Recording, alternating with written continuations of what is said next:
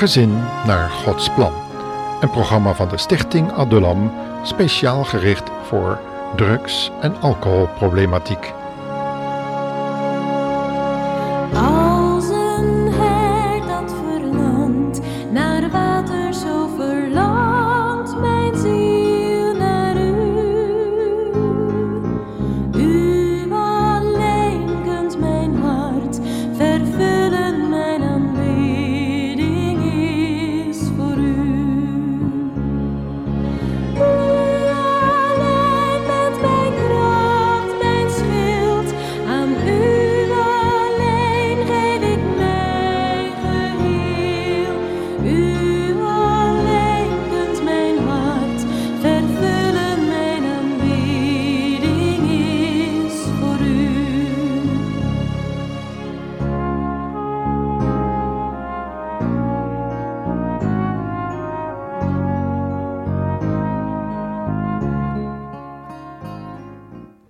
Ja, luisteraar.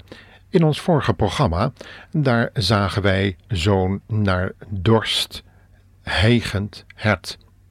In dit geval niet een eh, hert zoals wij dat kennen, hier op Curaçao, maar een man. Hij heette Tom. Hij dorstte naar drank. Hij kon er niet afkomen. Wel iets heel tegenovergestelds als wat de psalmist in dat eh, hijgende hert wilde duidelijk maken. Dat hert dat werd vergeleken met een mens die naar God verlangt, die naar de bevrijding verlangt zoals God het heeft aangeboden, en niet zoals de alcohol, oftewel de god Bacchus, dat aanbiedt.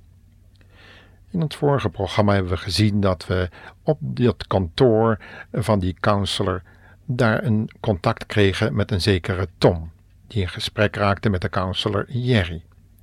Er waren allerlei problemen gekomen door het alcoholgebruik. Het was juist zo goed gegaan. Alles, ook met de zaken, was beter gegaan nu hij van de drank was afgebleven. Het was al vier maanden zo.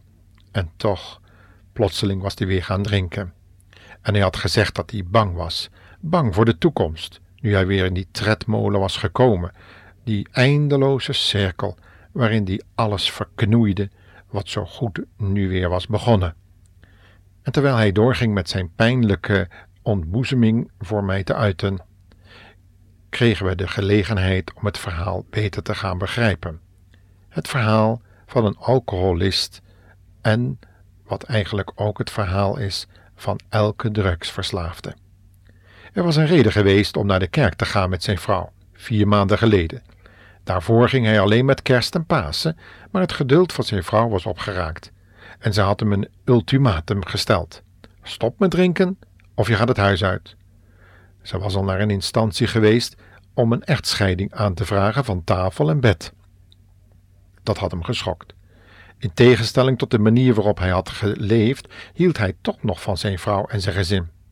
Hij keek eens goed naar zichzelf en voor het eerst realiseerde hij zich dat hij een echt drankprobleem had. Op zijn zoektocht naar een antwoord was hij met zijn gelovige vrouw naar de kerk gegaan. En daar had hij zijn geloof in Christus ook beleden. Het had dus vier maanden geduurd. En toch was hij nu weer begonnen met drinken. Iedereen zal tegen mij zijn. Zo dacht Jerry toen hij tegenover mij zat. De mensen in de kerk zouden tegen hem zijn omdat hij gefaald had. Zijn vrouw en kinderen zouden zich tegen hem keren omdat zij hem een laatste kans gegeven hadden en hij toch de fles had gekozen in plaats van een leven met hen.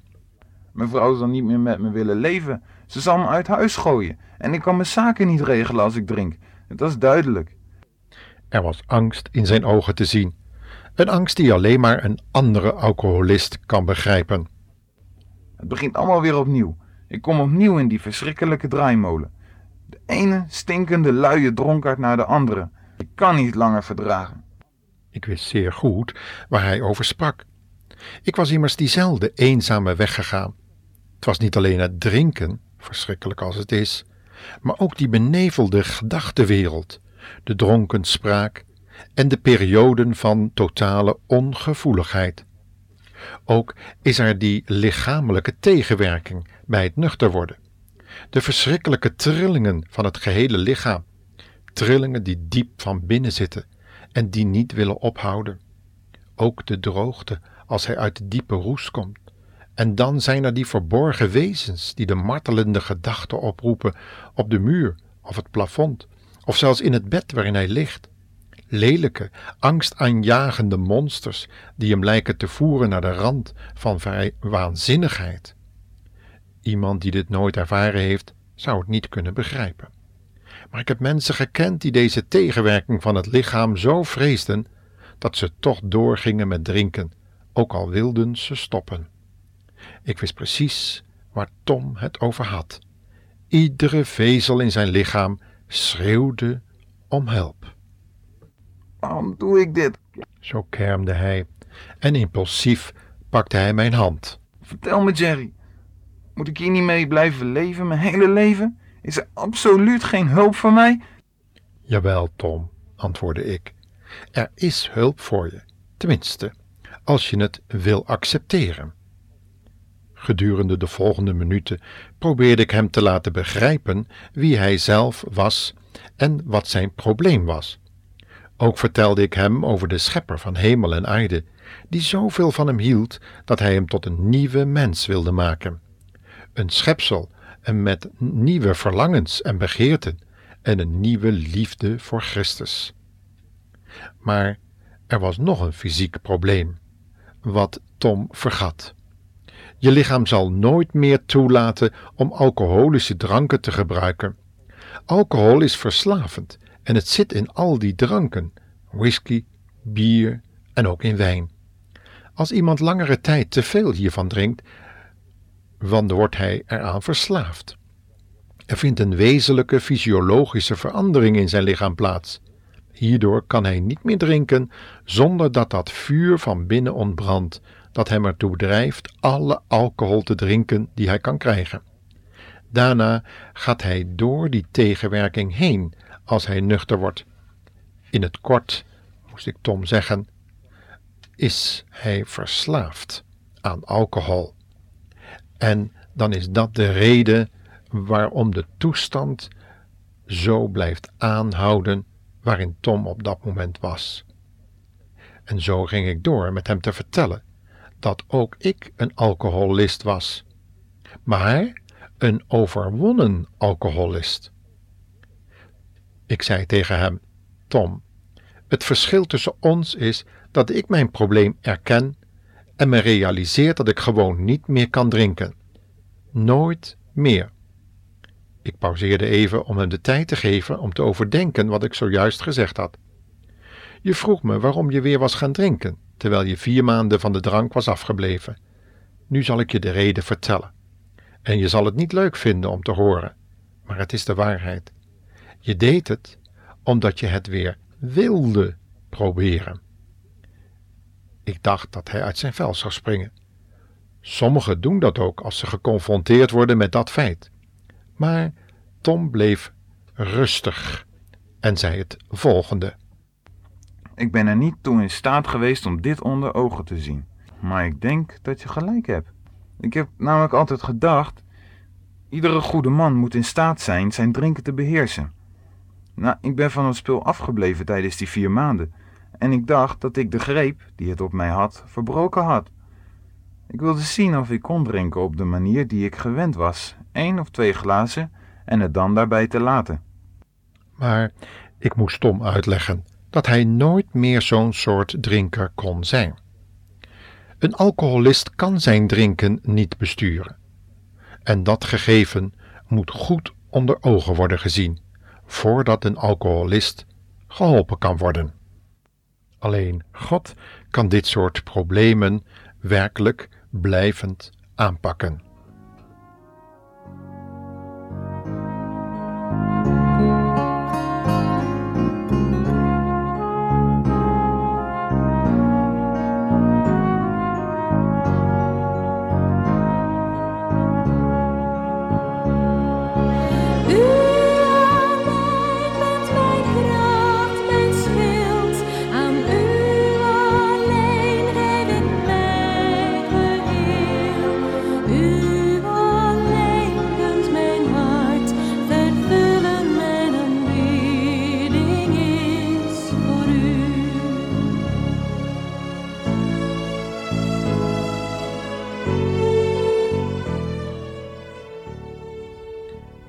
Vervolgens hield ik Tom Gods woord voor.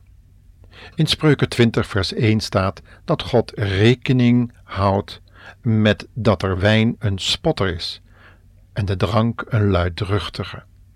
Iedereen die zich daaraan overgeeft is onwijs. God geeft aan wat de drank doet. En over die misleidende werking van de alcoholische dranken willen wij in deze programma's met de luisteraars spreken. Zoals Jerry met Tom sprak. Ik stond op en wees naar het kaart op de muur achter mijn bureau. Hier heb ik een kleine figuur, wat je kan helpen om dit probleem te doorzien. Toen je vier maanden geleden stopte met drinken, walgde je zo van jezelf en je manier van leven dat je nooit meer een glas wilde aanraken. Waar of niet? Hij knikte overtuigend. Kijk, je was hier, op de onderkant van de cirkel. Ik verschoof mijn vinger wat omhoog langs de lijn. En toen bereikte je dit punt. Je bent voor een bepaalde tijd nuchter geweest en de dingen gingen beter. Je vrouw en je kinderen begonnen trots op je te worden, voor het eerst sinds jaren. En je was ook trots op jezelf over de vooruitgang die je maakte. Je werd trots op jezelf dat je in staat was om nuchter te blijven voor een tijdje en je begon neer te kijken op de anderen die nog steeds dronken. Dat komt me schrikbarend bekend voor. Onderbrak hij mij. Maar ik vervolgde: Je fysieke verslaving zou je niet alleen laten. Het begon je toe te fluisteren dat je die slok moest nemen. Een kleintje maar. Dat hevige, knagende gevoel werd dan ook elke dag sterker. En toen kwam je in de volgende stap van de cyclus. Je begon bang te worden om weer een slok te nemen. Tijdens deze periode was dit alles waaraan je kon denken. Je wilde een slok nemen, je wilde dat brandende gevoel van binnen voor alcohol stillen. En als we dan niet gelijk hulp roepen, dan zijn we verslagen. Als we niets doen om deze cyclus te onderbreken, gaan we eerder of later weer drinken. Maar Jerry had iets tegen te werpen. De eerste keer dat ik in de verleiding kwam, heb ik niets genomen, Jerry. Geloof me, ik heb vaker zitten zweten dan dat ik het aan iemand heb laten weten. Jawel, je hebt een paar kleine overwinningen geboekt, zo vertelde ik hem. En als je daar doorheen komt zonder een fles aan te raken, dan komt die oude trots weer boven. Je begon immers jezelf te complimenteren over de kracht van je eigen wil. We kunnen onszelf niet vertrouwen, Tom, in deze dingen. Als we dat gaan doen, zijn we verloren. En zo ging ik door hem te laten zien dat we zelf onze ergste vijanden zijn. Ik weet niet of iemand anders me meer problemen kan geven dan dat ik mezelf geef. En ik denk dat jij hetzelfde zal moeten zeggen. Alcoholisten zijn grote leugenaars. En we liegen meer tegen onszelf dan tegen iemand anders. En daarom duurt het niet lang of we zijn er zelf van overtuigd dat we ons alcoholprobleem hebben opgelost. We hebben het er moeilijk mee, maar nu het is opgelost en onder controle, zijn we tevreden over onszelf. En zo bedriegen wij onszelf. De volgende keer, beste luisteraar, zullen we opnieuw de spreekkamer bezoeken en luisteren hoe Jerry de vijfde stap duidelijk maakte. Maar dan nu een afscheid. Een afscheid, ik hoop niet voor altijd. Want alcoholisten kunnen in de grootste problemen komen zo erg dat ze een einde aan hun leven willen maken. Daarom, wanneer u zelf met dit probleem worstelt, ga alstublieft hulp zoeken. Ga naar een centrum toe.